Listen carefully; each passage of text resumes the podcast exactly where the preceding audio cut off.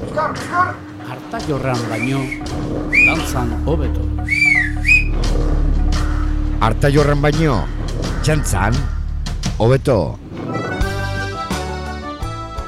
Gaur berreunda irurogei garren atala.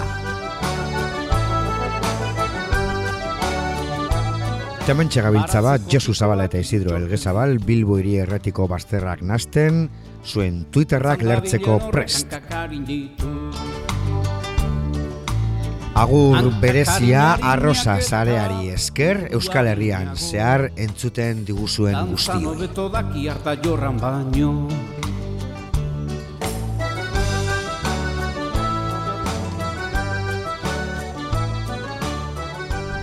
Berreunda, irurogei garren atala esan dizuegu, baina egia esan, ez da atal berririk, gaur dakarkizueguna, 2000 eta amarrean, PLT taldeari eskainetako monografikoa duzue. Orduko momentu hartan, harta jorran saioaren irurogei garren atala. PLT talde mungiarrak itzulera iragarri du urrengo maiatzerako banandu zirenetik amairu urte pasa direnean. Hankakariñarinak eta buruarinago. Dantzan hobeto daki harta jorran baino. Gogor dezagun ba, mungiako talde basati honen ibilbidea.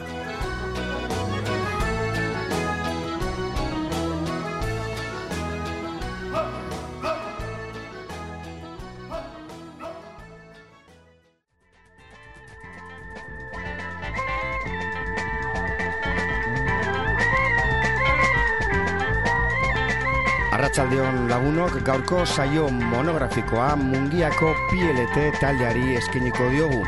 Talde hau, larogeita amalauan sortu zen, eta taldeari buruzko informazioa ematen hasi baino lehen, larogeita amarreko amarkadari buruzko zertzelada batzuk emango ditugu. Larogeiko amarkadako moskorraldiaren ondoren larogeita amarreko amarkada etorri zen.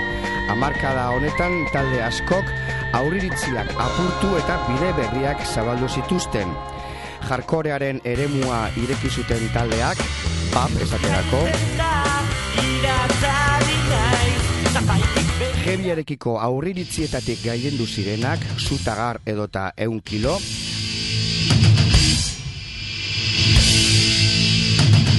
Rokari soinu txikiaren kolore eta alaitasuna eman ziotenak, Linton Town esaterako, musika zelta, euskal folk eta popera ekarri zutenak, sorotan bele,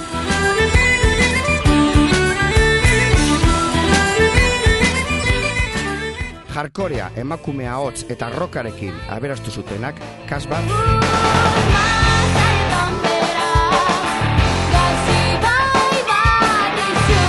folka eta roka hurbileko hitzekin bereganatzea lortu zutenak, eskizu, Amaikatzu negar! Jarkore melodikoari euskal labela jarri ziotenak, deaburak pediatuetan,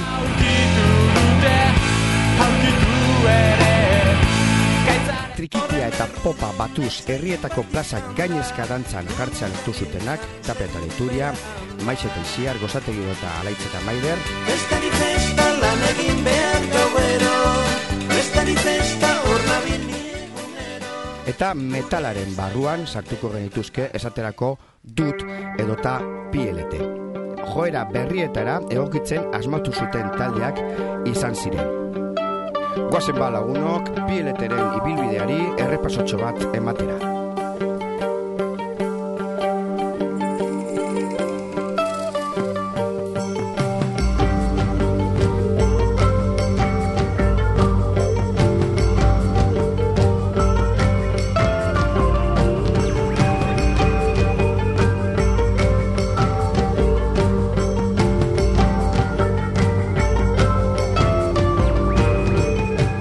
Mungiako talde ausartonek Euskal rock eta metalari aire berria eman zien larogeita marreko hamarkadan eta agerian utzi zuten irudimenez eta aurreritzirik gabe oso urrun hel daitekela.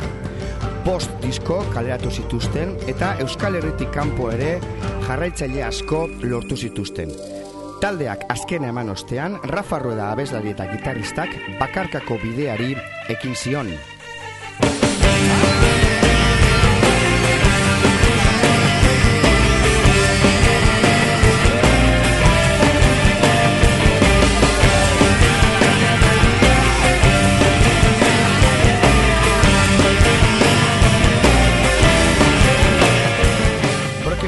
Taldean ibilitako Rafa Rueda, Aitor Abio eta Jose Manuel San Pedro Sanpe elkartu egin ziren larogeita mairuan rokaren barruan bestelako bide batzuk arakatzeko. Broken Bihotzekin Rafak pop rock diskoa argitaratua zuen denborak izena gradua galtzen duenean izeta etxeak ateratakoa larogeita mabian. Sanpe, D69 eta sententzia taldetan ibilia zen. Hirukoteak osatu zuen taldearen ardatza, baina berehala Charlie Solano batu zitzaien bajua. Artean izenik ezutela, entzegu batean lokaleko argia joan eta grabagailua hiru minutu eta malau segundutan gelditu zen. Lapsus temporalaren ostean basuten izena, PLT.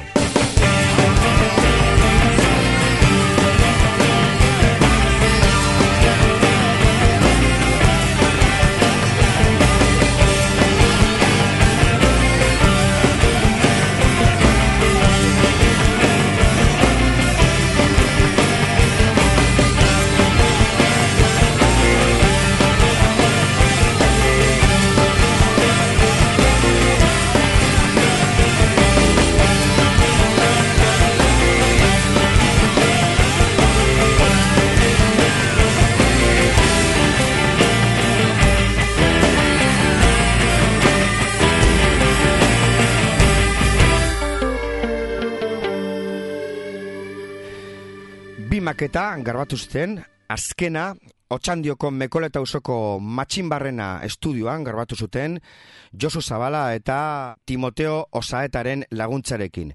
Grabazio honen prozesuan hainbat kontu garrantzitsu gertatu ziren taldearen baitan. Azteko izena aldatu egin zuten eta bai kontzeptu eta estetikoki taldeak itzelesko aldaketa izan zuen. Broken bihotzen iragan poperoari agur esan, eta larogeita marreko duinu berriak bereganatzen hasi ziren. Esan dugun moduan, izen aldaketa eta aldaketa estetiko. Hankakarinak eta buru barinago, dantzan hobeto daki harta jorran baino. Euskal musika, maite baduzu, tzat, tzat, tzatuz gurekin. Artaiorran baino, jan, jan, jan, jan, jan, jantzan hobeto. Bilbo hiri irratia. Bilbo iria irratian zaudete FMko puntu zeroan, harta jorran baino, jantzan hobeto saioan hemen gaude Josu Zabala eta Isidro Elgezabal PLT talde mungiarraren ibilbidea gogoratzen. Gogoratu dugu hasieran larogeita marreko amarkada interesgarri hori, gogoratu dugu Broken Bihotz, gogoratu ditugu PLTren lehenengo maketak, eta larogeita maseian izan zen musikari hauentzat, Rafa Rueda, Jose Manuel San Pedro Sanpe eta Aitor Abiorentzat eta Charlie Solarorentzat jauzi kualitatiborik handiena, laro eta maseian etorre baitzen lehenengo diskoa.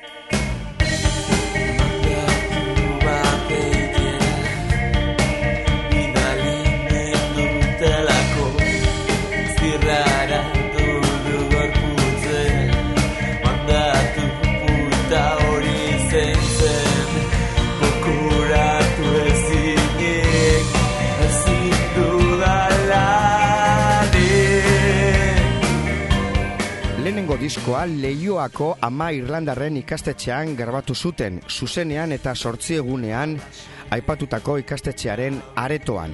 Jose Lastrak grabatu zuen aldageletan estudio txiki bat egokituta.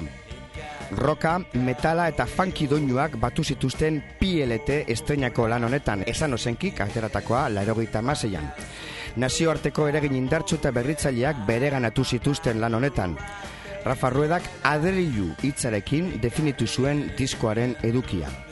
hilda jainkoa lehen singelak ate asko zabaldu zizkien, baina entzule asko azalean gelditu zen. Ideia berritzaile asko ekarri zituzten eta zuzenekoetan provokazioarekin eta performanziarekin jokatzen zuten.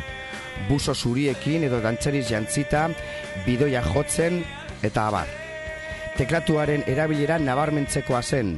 Euren hitzetan, beti iruditu zaigu teklatua gaizki aprobetxatutako elementua dela, kutsu despektibo eta berbeneroa duena. Teklatua errebindikatu nahi izan genuen. Gainera, rokarekin izan ditzakeen kombinazioak itzelak dira. Lan honetan, Unai Iturriaga bertsolariak idatzi zituen bi kanturen hitzak, erraietatik eta betirako amizgaitza.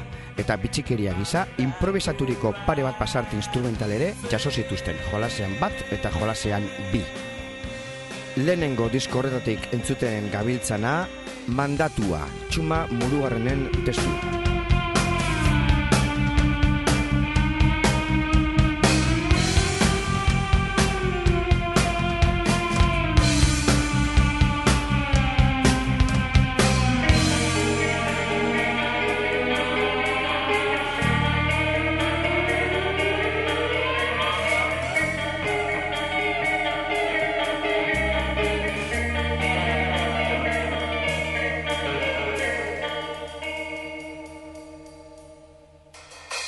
Kontzertu ugari egiten hasi ziren eta hoietako batean Clawfinger taldearekin harreman ona egin zuten.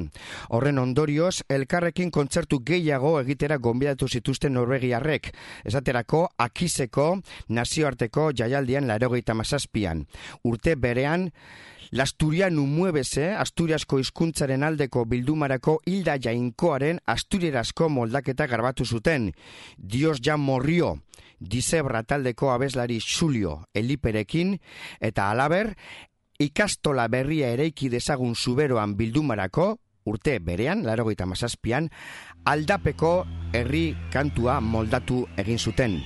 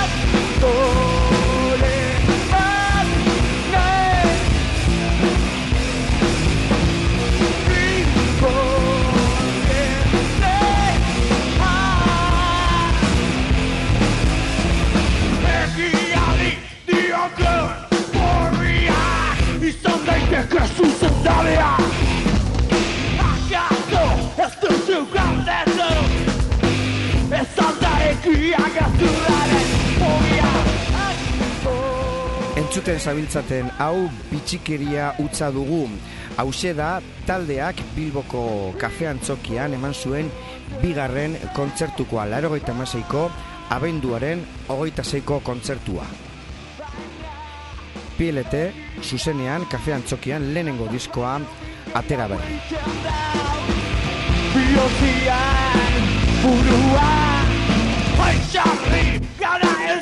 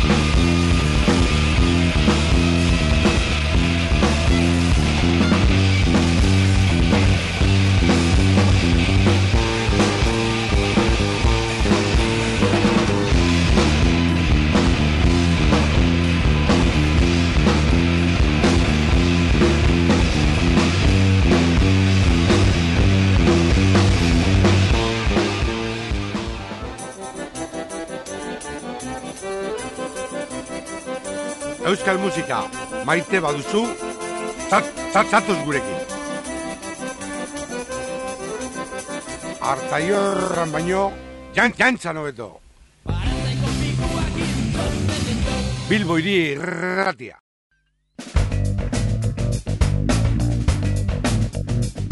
Ba horixe, harta jorran baino, jantzan hobeto saioan zaudete bilburi erratean gaur PLT taldeari errepasotxoa ematen. Gogoratu ditugu lehenengo zuzenekoak eta lehenengo diskoa eta laster etorri zen bigarrena.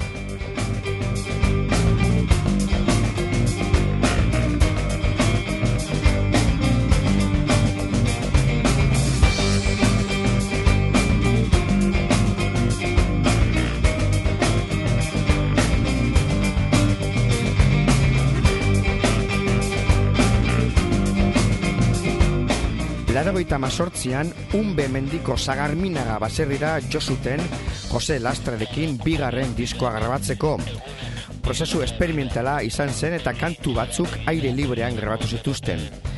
Denbora, bigarren lana, laragoita mazortzian esan ozenkik ateratakoa, kutsu industrial handiagoa dauka eta joera berrietatik hurbilago dago. Hitzetan, Unai Iturriaga eta Igor Martin de Vidalesen laguntza izan zuten, baina kantu gehienak Rafa Ruedak idatzi zituen.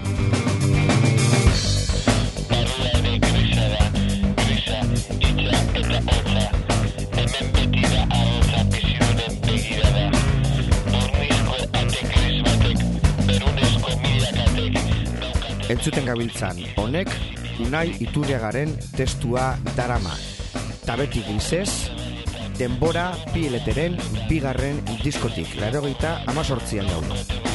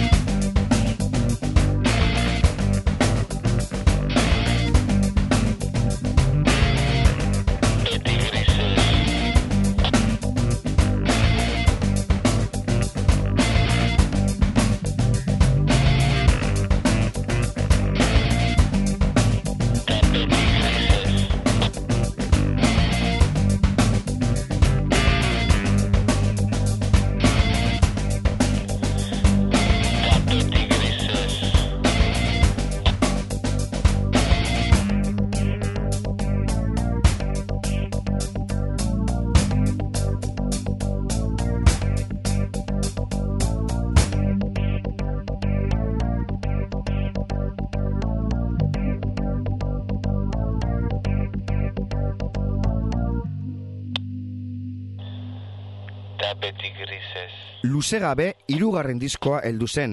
Lehenengo aldiz grabazio estudio batean sartu ziren prozesuaren hasieratik, Tiopete estudietan hain zuzen ere. Hiru deitu zen hirugarren lan hau, laurogeita emeretzikoa, eta zuzenekoetan pentsatuz egin zuten, eta sinpletasunaren bila joan ziren. Maketako kantu bat berreskoratu zuten, bihar. Ordurako taldeak ospe ere basita zeukan Espainiako metal zaleen artean eta horren adirazle da Judas Priesten omenezko disko batean parte hartzera gonbidatu izana. Jardas Iron izan zen tributua Judas Priest bildumari mungiako laukoteak egindako ekarpena 2000 garren urtean izan zen hau.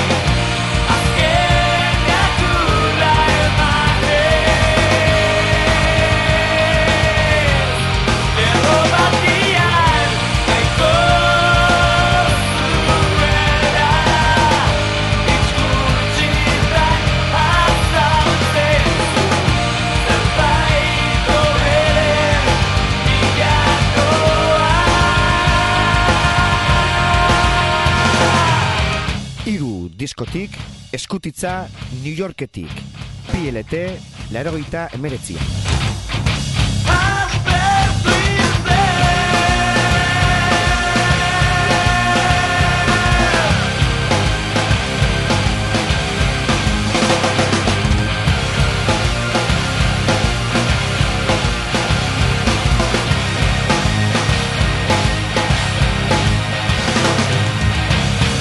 Hanka karinak eta buru barinago Dantzan hobeto daki, dantzan hobeto daki Arta jorran baino, arta jorran baino, arta jorran baino Euskal musika, maite baduzu, txat, txat, txatuz gurekin. Artaiorran baino, jan, jantzan hobeto.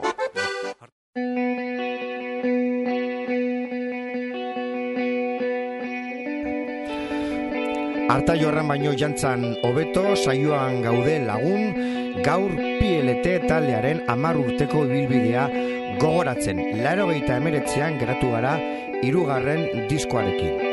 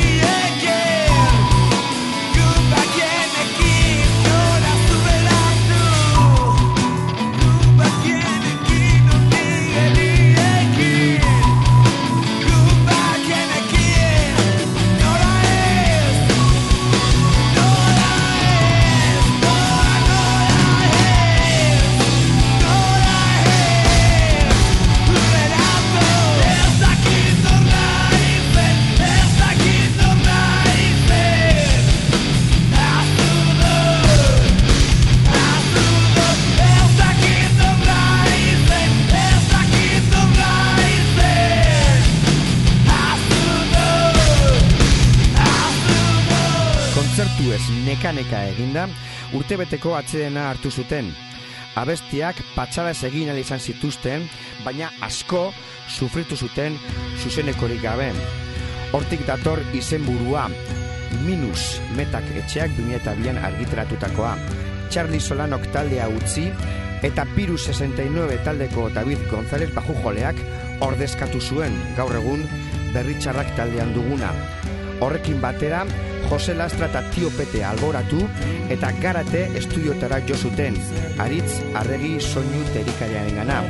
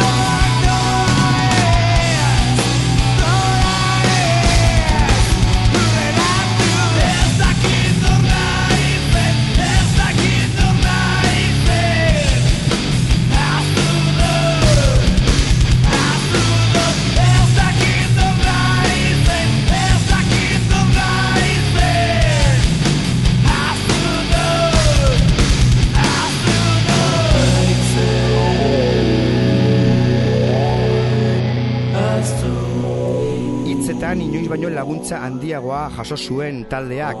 Unai Iturriaga, John Maia, Igor Elortza, Kirmen Uribe eta Txuma Murugarrenen testuak aurkitu ditzakegu lan honetan. Kolaboratzaileak ere bat baino gehiago izan ziren. Mikel Urbeltzek biolinak sartu zituen zurrunbilua kantuan, entzuten gabiltzan honetan, eta Aiora Renteriak, zea maizeko abeslariak, eta Sergio Ruizek ere, erasokoak, lagundu zuten grabazioaren prozesuan. Emaitza abesti luze eta pisutsuak dira. Stoner kutsu handikoak. Askoren ustetan taldearen disko onena da.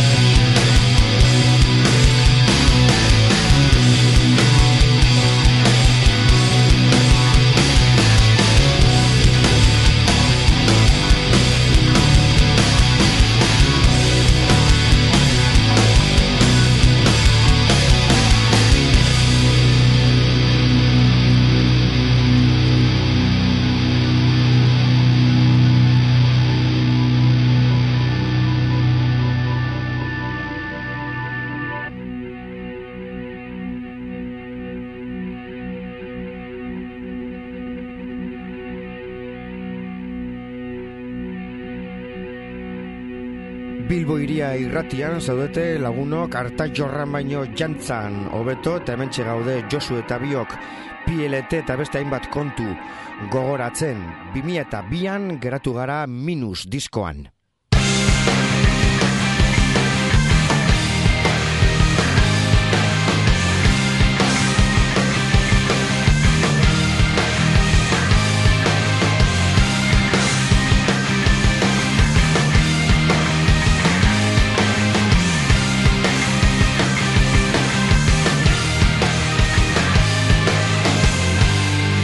Basotik paseatzen Zuaitz bat mostuta Ezkerretara neukan Eguzkiak zigortuta.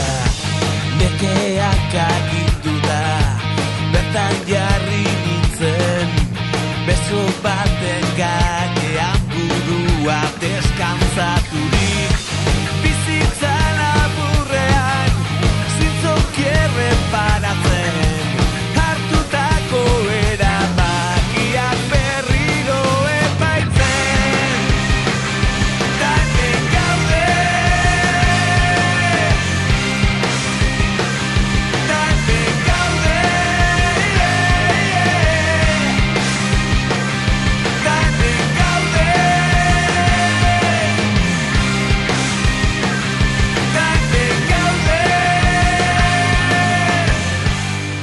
Rafa Rueda hasia zen beste bide batzuk urratzen.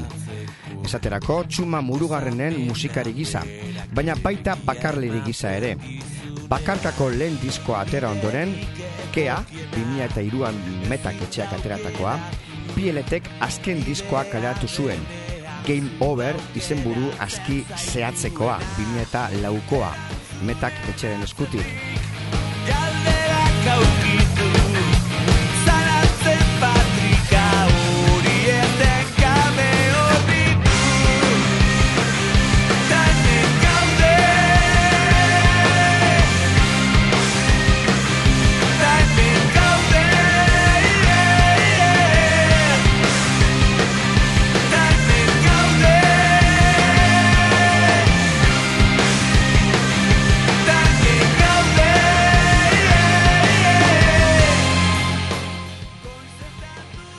tekatu joleak taldea utzi eta beste hirurak askarateko Katarain estudioan sartu ziren.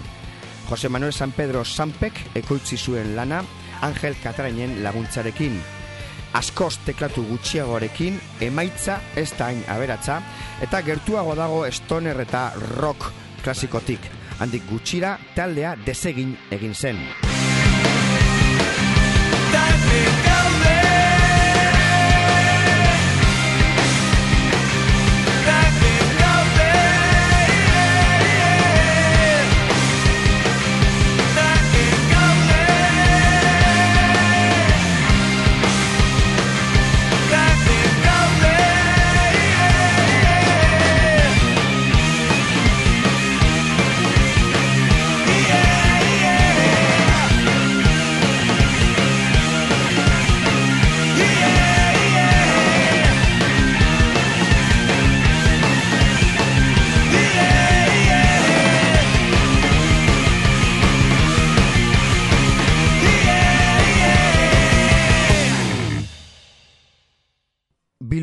Irratian zaudete, harta jorran baino jantza nobeto saioan, hemen de Isidro eta Josu, PLT talde mungiarraren ibilbidea gogoratzen 2004an geratu gara, orduan txe atera zuen taldeak azken diskoa, eta geroxeago desegin egingo zan. Hori gertatu baino lehen hala ere, taldeak azken grabazioa egin zuen 2005ko mehatzeren iruan, askarateko katarain estudioetan, Jonan Ordorikak eta Sampen ardura izan zen e, grabazio hau, Lapurdiko gure irratirako egindako kantuan gure irratiak zure rock and izeneko bilduma atera zuen 2005ean eta pieletek oroimenaren zuloa kantua grabatu zuen. Hauxe izan zen talde mungiarraren azken grabazioa. Oroimenaren zuloa.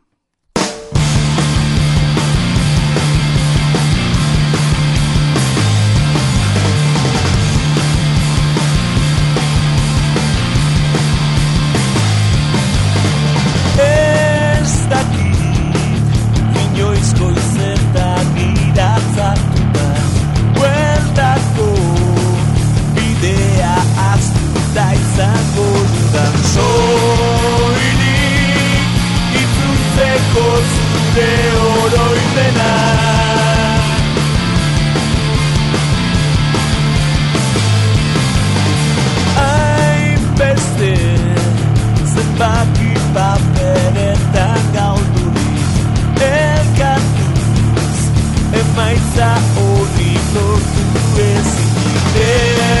Denborak ignorantzi ez egiten zuen.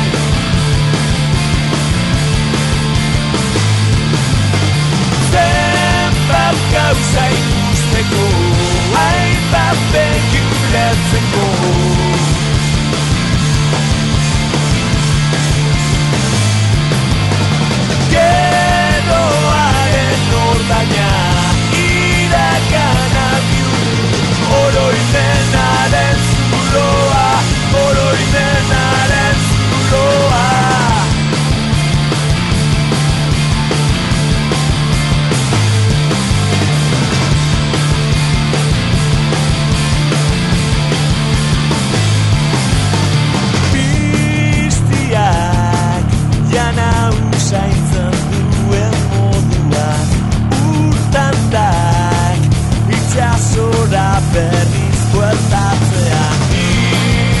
love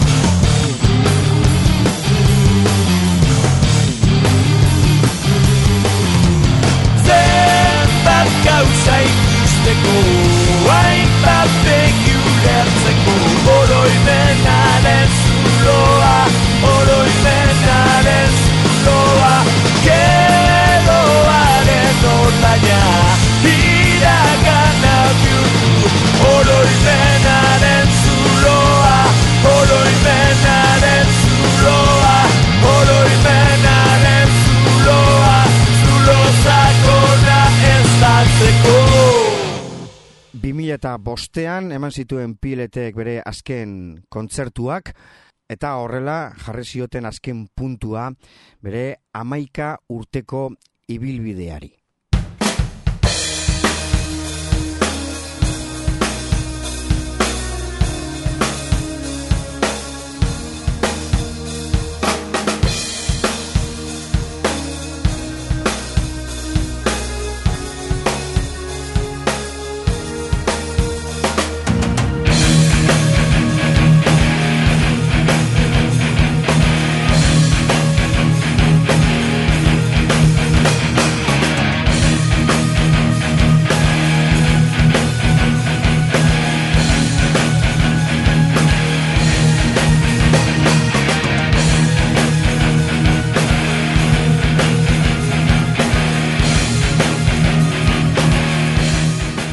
Hasieran esan dugun bezala, PLTek aurriritzi asko apurtu zituen euskal rock musikan. Ordurarte egin ez zirenak egin zituzten bai jarreran eta bai estiloan. Larogeita marreko amarkadako euskal roka definitu zuen taldetakoa izan zen. Kultozko talde bihurtu zen bai Euskal Herrian eta bai Euskal Herritik kanpo ere, batez ere Katalunian eta Madrilen. Eta bukaeran sale asko utzi zituen, umezurtz eta triste.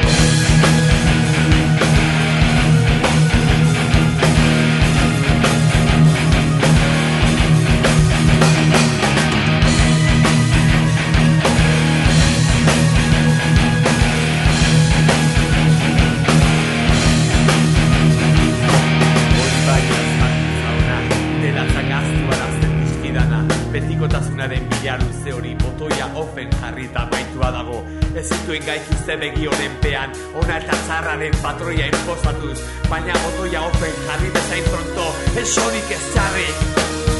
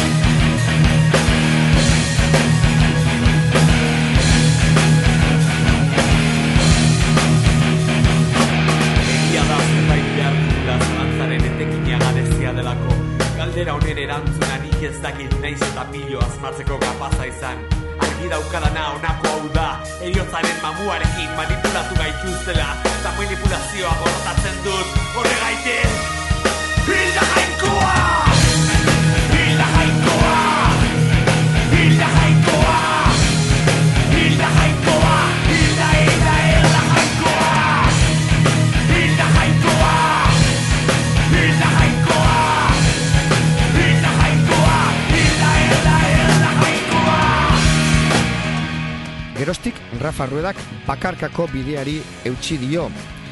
2006an kaleratu zuen zaredun eskua eta 2008an zuaitz okerretan gora noa.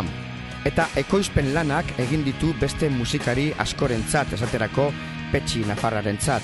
Esteban Urkiaga laguasetaren omenezko eungarrenean amaika diskoa ere proezitu zuen Rafa Ruedak eta Sanpe berriz gu eta gutarrak talderekin aritu da. Alaber, soinu teknikari eta ekoizle dabil iralako koba estudioetan. David González baju jolea gaur egun berri txarrak taldeko kidea dugu. Eta kobra taldeko kide ere bada.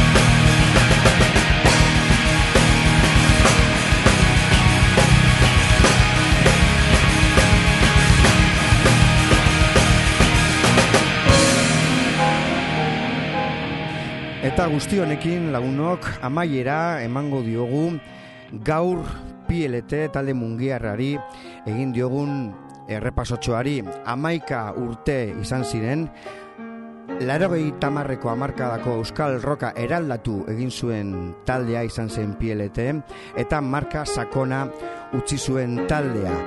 Doinu basatiz eta esain basatiz ere jantzi zituen Euskal musikan amaika urte mila bederatzeron eta laro eta malautik bimi eta bostera.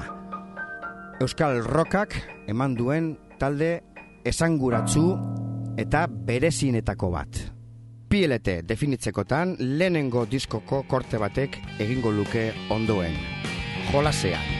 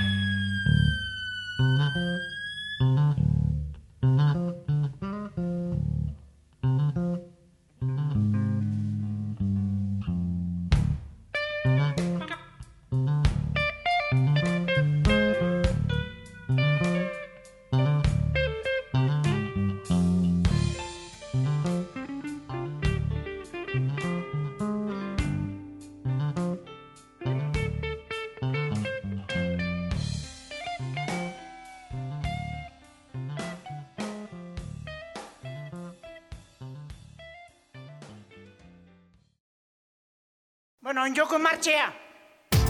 Lagunok, gure Mauriziak dinon modun, guk martxea joku eta bagoaz. PLT talde mungiarraren itzulera dela eta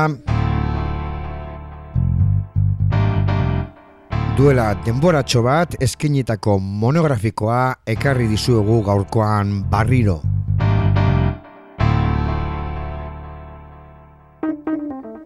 Maiatzerako iragarri ditu taldeak post kontzertu.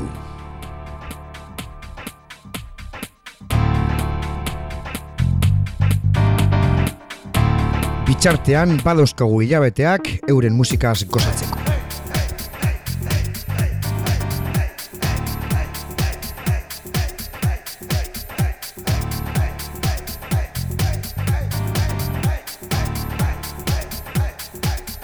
Arta jorran baino, jantzan, hobeto, euskal musikaren lubakia, Bilbo iria irratian.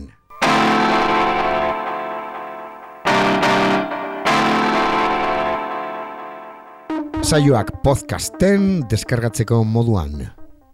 Musubana.